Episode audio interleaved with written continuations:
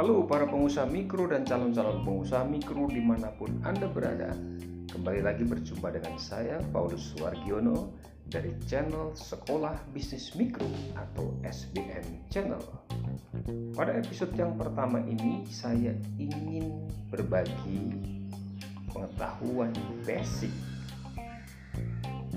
tentang skala bisnis mikro saya percaya Bapak Ibu sudah mengetahui, tapi ada baiknya saya ingin berbagi paling tidak buat calon-calon pengusaha mikro yang belum mengetahui informasi ini sangat perlu dan sangat penting.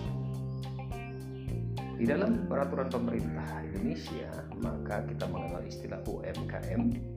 Jadi itu adalah unit atau usaha kecil eh, dan menengah dan setiap unit usaha tersebut memiliki kriteria masing-masing.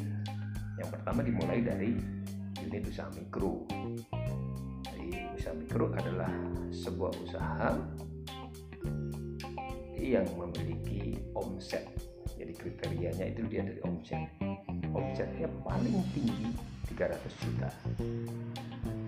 Kalau bisnis kecil itu di atas 300 juta sampai 2,5 miliar per tahun kemudian bisnis ke, uh, bisnis menengah adalah bisnis dengan konsep di atas 2,5 miliar sampai 50 miliar per tahun.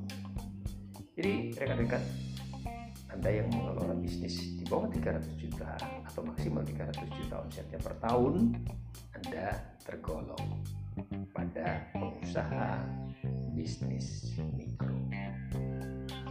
Bangun bisnis mikro Anda dengan baik, dengan kuat, dengan tangguh, supaya Anda bisa membangun bisnis mikro, bisnis mikro berikutnya.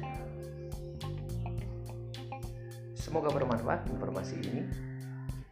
Terus semangat belajar dan salam maksimal. thank you